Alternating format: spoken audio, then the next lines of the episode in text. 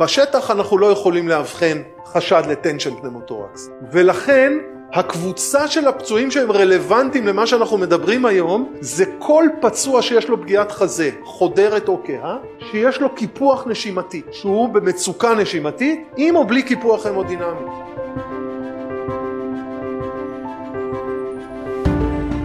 אם יש לי פגיעה נלווית במנגנוני הפיצוי לא יהיה מה שיפצה וההידרדרות תהיה הרבה יותר מהירה. אם למשל יש לי פציעת חזה, אבל בנוסף לזה הפצוע הוא גם היפובולמי, למה? כי הוא מדמם עכשיו כתוצאה משבר בירך. פנאומוטורקס יותר קטן, בלחץ יותר קטן, יגרום לנזק סיסטמי יותר גדול. ההמלצה שלי שעד 20 דקות מבית חולים אם יש לכם את האינדיקציה לנקז הוויגון הוא הרע במיעוטו הוא זה מה שצריך מעבר ל-20 דקות ההמלצה שלי נקז בן צלעי לא לעכב פינוי בשום דרך כי תמיד תזכרו כשיש לי דימום מהבטן ודימום מהחזה על מה לוחצים קודם? על הדוושה של הגז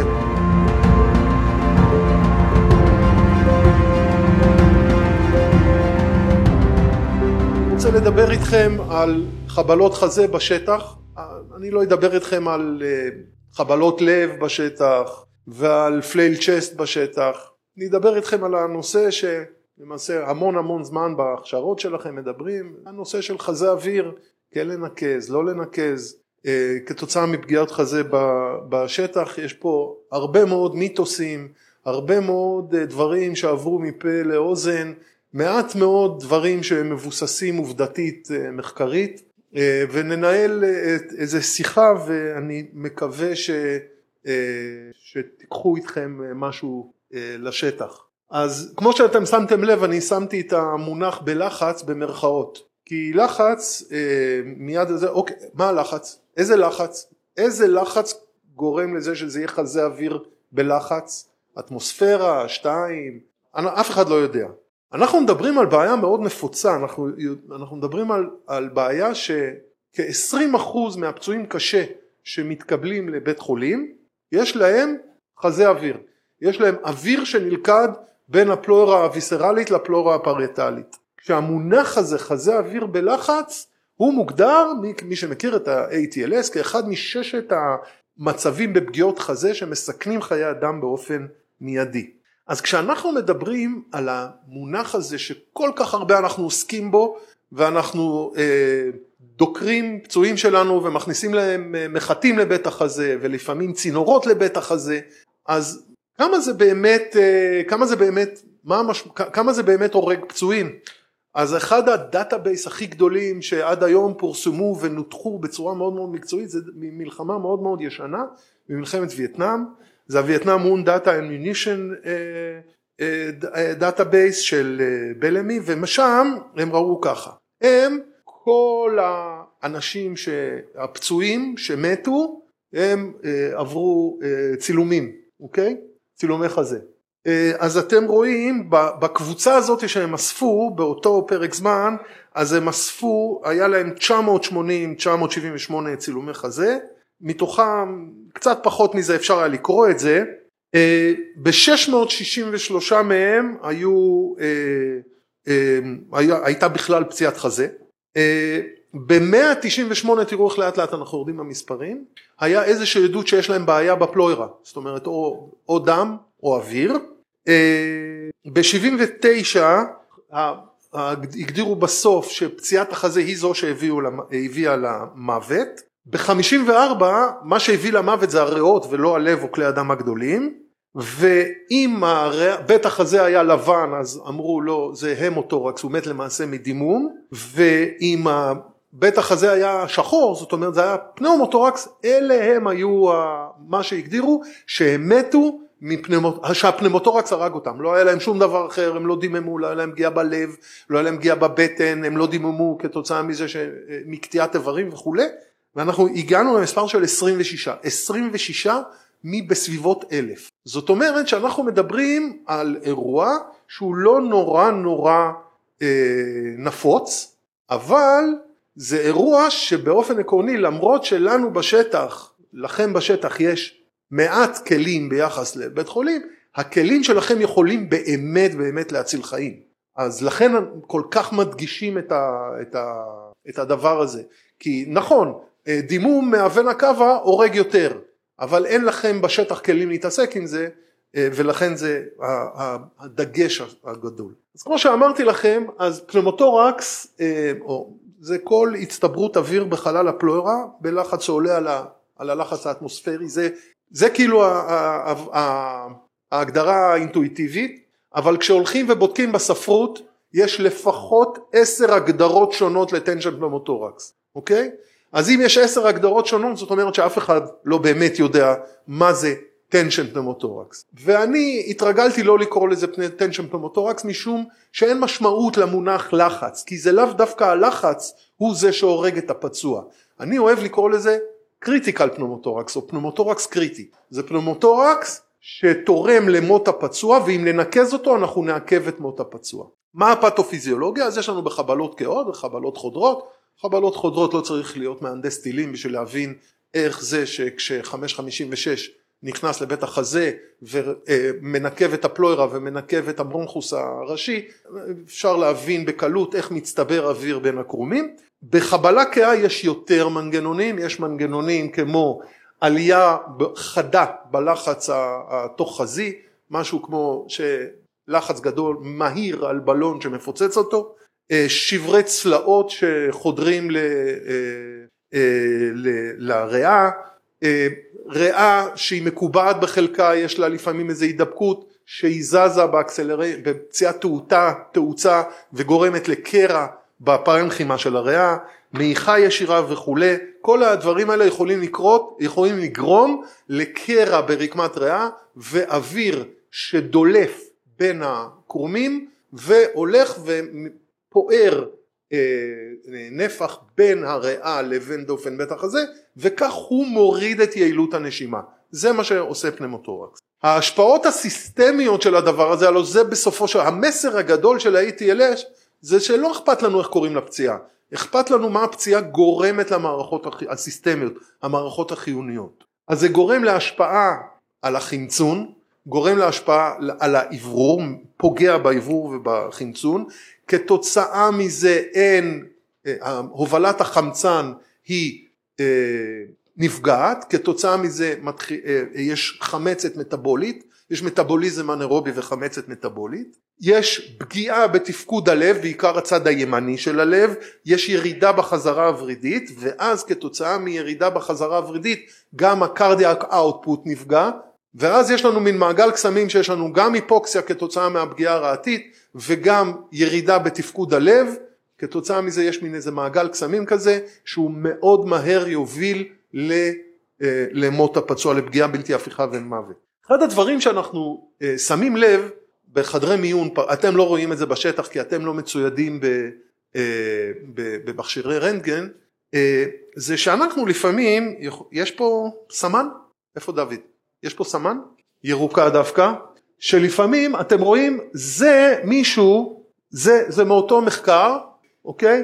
זה פצוע, זה צילום חזה למעשה של מת, ואנחנו רואים, אתם רואים הריאה היא פה, בסדר? נכון שהחלק הקדמי לוחץ ואתם רואים את המדיאסטינום, אבל זאת הריאה, זה הפנומוטורקס. לעומת זאת, זה מישהו אחר, זה כל הריאה עברה קולפס, אין פה בכלל ריאה, אבל אנחנו רואים שהמדיאסטינום פחות או יותר במקום, אוקיי?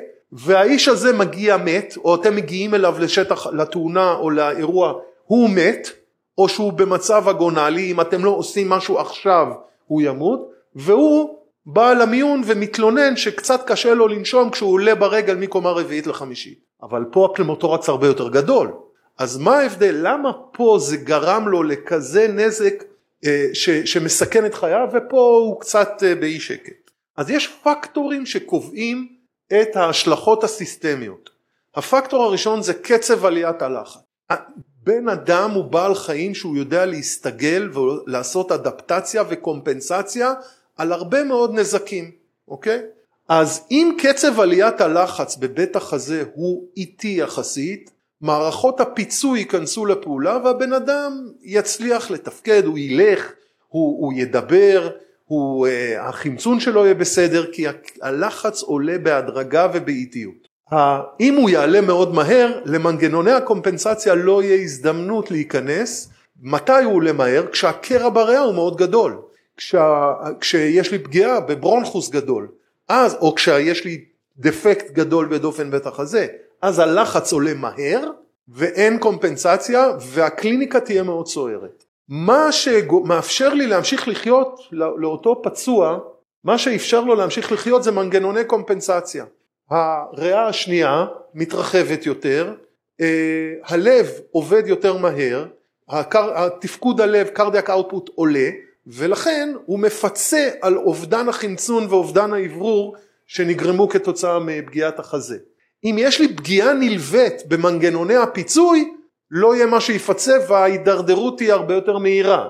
זאת אומרת, אם למשל יש לי פציעת חזה, pneumothorax, אבל בנוסף לזה הפצוע הוא גם היפוולמי, למה? כי הוא מדמם עכשיו כתוצאה משבר בירך, pneumothorax יותר קטן בלחץ יותר קטן יגרום לנזק סיסטמי יותר גדול וזה משהו שצריך להבין אם, אם אתם רוצים שתחשבו על צינור כשהוא מאוד מלא במים אז קשה ללחוץ אותו ולסגור אותו וכשהוא חצי ריק מאוד קל לסגור אותו ולכן פציעות נלוות יגרמו לכך שפנאומוטורקס יותר קטן הוא יהיה, יש לו יותר, יהיה לו יותר סיכוי להיות קריטי לסכן את חיי הנפגע אה, וכמובן תזכרו שכל עוד הבן אדם נושם אז הלחץ בפלוירה יעלה ויעלה ויעלה עד שהוא יגיע לאיזה לחץ? עד שהוא יגיע ללחץ האטמוספרי נכון? כי ברגע שהוא יגיע ללחץ האטמוספרי לא תהיה כבר זרימת אוויר הפנומוטורקס הזה לא יגדל מתי זה ישתנה? אם אנחנו מנשימים את הפצוע בלחץ חיובי אם אנחנו מנשימים את הפצוע בלחץ חיובי הלחץ בבית החזה ימשך, ימשיך ויגדל וימשיך ויגדל ולכן באמת רוב הפצועים שמתים או נכנסים למצב קשה כתוצאה מפנומוטורקס קריטי, פצועים שהם מונשמים בלחץ חיובי. לפעמים אנחנו צריכים להנשים אותם בלחץ חיובי כי יש להם גם פגיעת ראש, יש להם סכנה לאיירווי או כל דבר אחר. מה הסימנים הקלאסיים שכתובים בכל מקום לטנשן פנומוטורקס? אתם כולכם שרים את זה, מכירים את זה, נכון? מצוקה נשימתית, טכיקרדיה, היעדר כניסת אוויר, סטיית קנה, גודש ורידי צוואר, ירידה בתנועתיות בית החזה הפגוע והדיוט יתר בניקוש. אלה הסימנים הקלאסיים. למה סימנתי את אלה בסגול, מישהו יודע? אחד, מישהו שיגיד. הם תמיד קיימים. לא, לא. כי אנשים שהם ריאליסטים והם באמת עבדו בשטח יודעים שהדברים האלה לא רלוונטיים לשטח כי אי אפשר לבדוק אותם, אוקיי? אתם כולכם יודעים שהיעדר כניסת אוויר סטטוסקופ בשטח זה פשוט סמל סטטוס. אוקיי? זה פשוט שידעו מי האיש רפואה כי אין שום שימוש כשיש בטח ובטח תחת אש אבל אפילו בסיטואציה של תאונת דרכים שעומדים שיש מלא אה, מכוניות מסביב ואנשים ושוטרים ואף אחד לא יודע לשמוע, אף אחד לא מאזין לאף, לשום דבר, בסדר?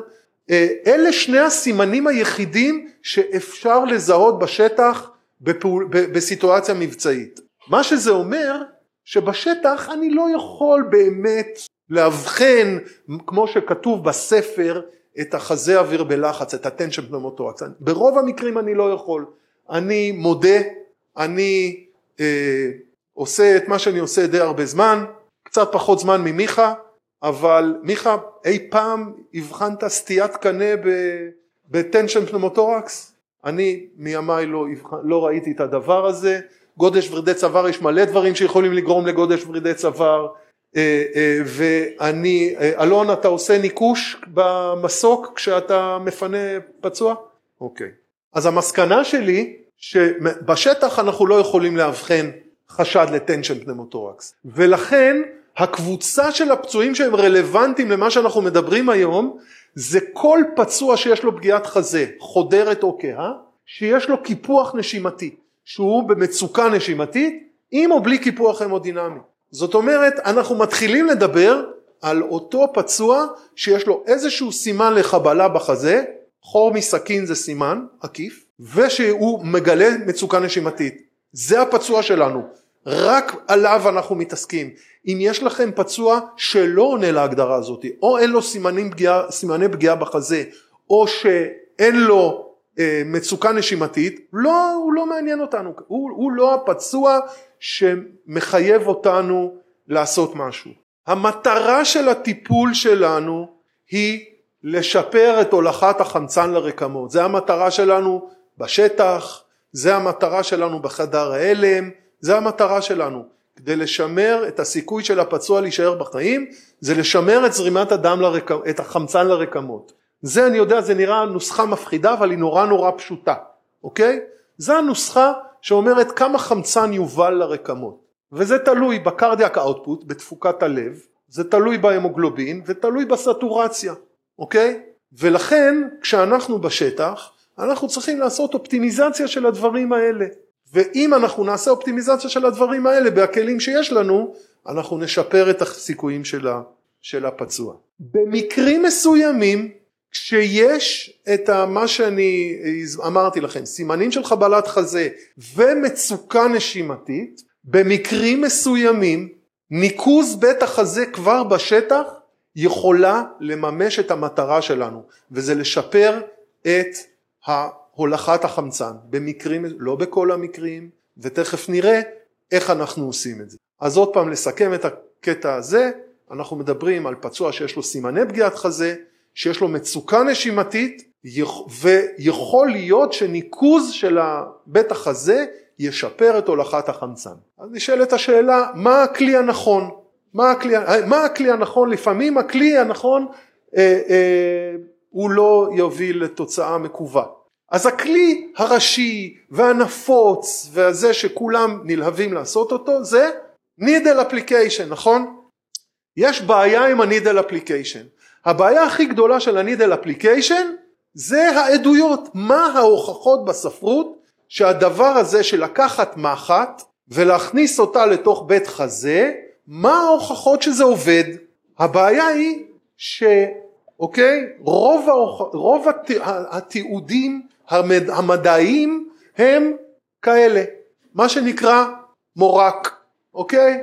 באתי, היה פצוע, הוא היה בלי כלום, הכל היה עשרים, עשרים לחץ דם, עשרים דופק, עשרים סטורציה, אני שמתי לו מחט ונפלון ברווח הבין צלי השני, אני שמעתי פסט, אתם ילדים כולכם, אז אתם לא יודעים מה הפסט, אתם אולי זוכרים, הפסט מבחינתנו אומר הנהג אגד שפותח וסוגר את הדלת של האוטובוס, אבל שמעתם פסט, והפצוע קם והלך.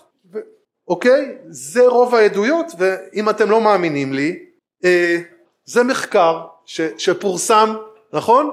מחיל רפואה שלנו, אוקיי? והם אומרים שההוכחה לזה שהנידל אפליקיישן עבד זה שהמטפל דיווח על subjective improvement in patient ב-83% מהשורדים. מה שיפה שגם 86% מאלה שמתו דיווחו על שיפור אה, בתסמינים הנשימתיים שלהם. מה שקצת אה, קצת מעורר בי אי, אי שקט לגבי העדויות שהמחט אה, זה. עכשיו אה, זה גם כן לדעתי, זה, לא יודע אם זה מאותו מחקר, אז תסתכלו, זה כל הנידל אפליקיישן ששמו במחקר. אז תראו, מה שמעניין פה שעשרה אחוז מאלה שקיבלו נידל היו במצב כל כך קשה שהם הוגדרו כנון ארג' הם הוגדרו כלא דחופים לפינוי. זאת אומרת זה פה כבר משהו אחר, זה פה כבר ריפאנו אותם, אוקיי? אז הבעיה היא שיש פה, אה, יש פה כלי שהוא כלי אה, שנועד לפתור בעיה, כן? נועד לפתור בעיה שנקז בין צלעי הוא לוקח זמן, הוא מסוכן, הוא, הוא, והוא בעיקר דורש מיומנות שמאוד מאוד קשה אה, ל, ל, להביא את המטפל, בטח ובטח ברפואה מבצעית אה, לא קשה לי להביא פרמדיק שעובד במד"א לשליטה בסיטואציה הזאת, בטח ובטח פרמדיק מה שנקרא מרוחק, לא קשה לי, יהיה לו מספיק, אני פרמדיק מבצעי שנמצא ביחידה מבצעית, איך אני, אה, איך אני ידאג שהוא יישמר כשירות להכניס, וזה היה מין איזה, אה, איזה גשר כזה, אמרו אוקיי אנחנו לא יכולים ללמד אותם ולשמר את היכולת שלהם להכניס נקז, בוא נלמד אותם לעשות אקופונקטורה למרות שהם לא סינים. אה, זה פחות חשוב אבל תראו זה מחקר מ-2019 אוקיי American Journal of Surgery על, על, על איזה 60 נידל אפליקיישן 94 אחוז מהם עשו לכולם עשו CT עם הנידל כשהם הגיעו. 94 אחוז 5 אחוז? 4 אחוז. לא היו מעולם בתוך הפלוירה אוקיי?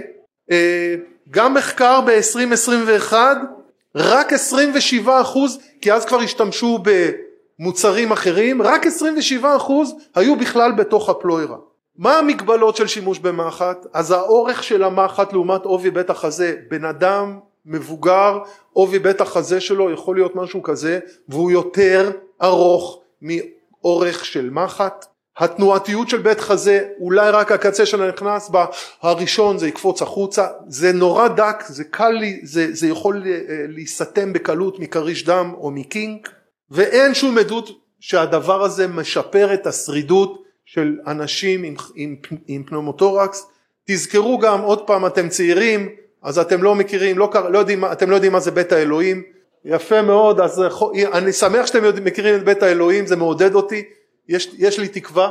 אז חוק מספר 6 של בית האלוהים שאין חלל באדם שאי אפשר להיכנס אליו עם, עם מחט 14 ויד חזקה כמו למשל הפולמונרי ארטרי. אה, זה, אה, זה רשימת הסיבוכים גם כן מסיכום של כמה מחקרים של אה, סיבוכים שיכולים להיות. אז בואו נתכנס ובואו נגיד קודם כל נזכיר עוד פעם מי זקוק בכלל שתחשבו בכלל על לנקז לו את בית החזה? זה שיש לו סימן לחבלה בבית החזה ושיש לו ירידה בסטורציה המצאתי כלל אצבע אל תיקחו אותי לרבנות כנראה שאני אפילו מגזים למעלה. מי שיש לו למרות העשרה בחמצן לח... אה, סטורציה של פחות מתשעים הוא מבחינתי יש לו מצוקה וכמובן סימנים של מצוקה נשימתית הוא זה החשוד. כי זה א' שם זה אה, אה, זה וייגון שזה למעשה מה זה וייגון זה נקז בין צלעי של פגים. זה מה שווייגון יש לו יותר סיכוי אין משהו יותר טוב לעשות כי גם תכף אני אראה לכם שדברים אחרים לוקחים זמן ומסובכים. המסר שלי שחברים אל, ת, אל תכניסו נידל וכמו במחקר הזה בעשרה אחוז תגידו עכשיו לא דחוף לפינוי. המסר שלי זה לא שלא תכניסו נידל אלא שלא יהיה לכם אשליה שאתם אה, כמו שדובר מד"א מקפיד לכולם להגיד עשינו פעולות מצילות חיים. אז למה פצוע מת?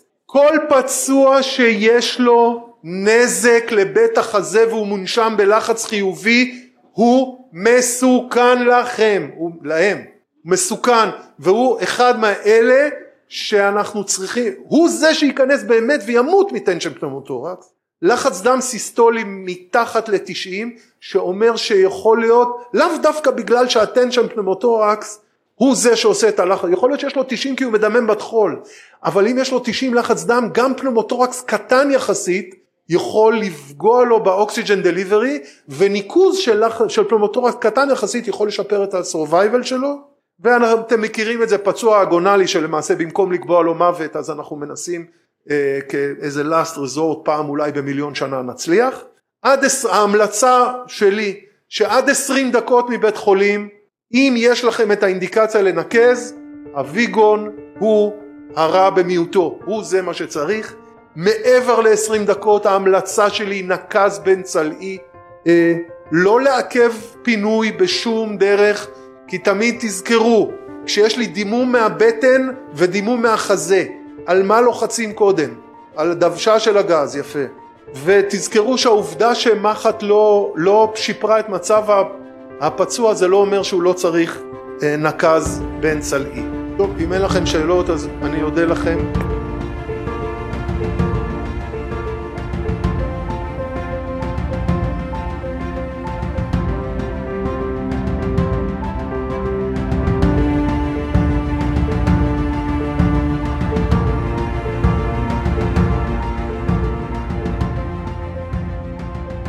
הפודקאסט של ארגון הפרמדיקים הישראלי הוא במה לדיון בנושאים מקצועיים ובנושאים שקשורים לפיתוח מקצוע הפרמדיק בישראל. אנחנו בהחלט בהחלט מעודדים את הפרמדיקים להקשיב, לפתוח, להאזין ולהעשיר את עולמם.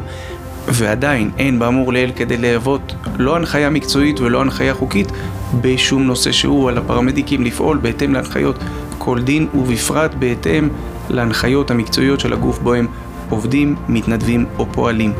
אנחנו מאוד מאוד מודים לכם, הרבה הצלחה ולהתראות בפרקים הבאים.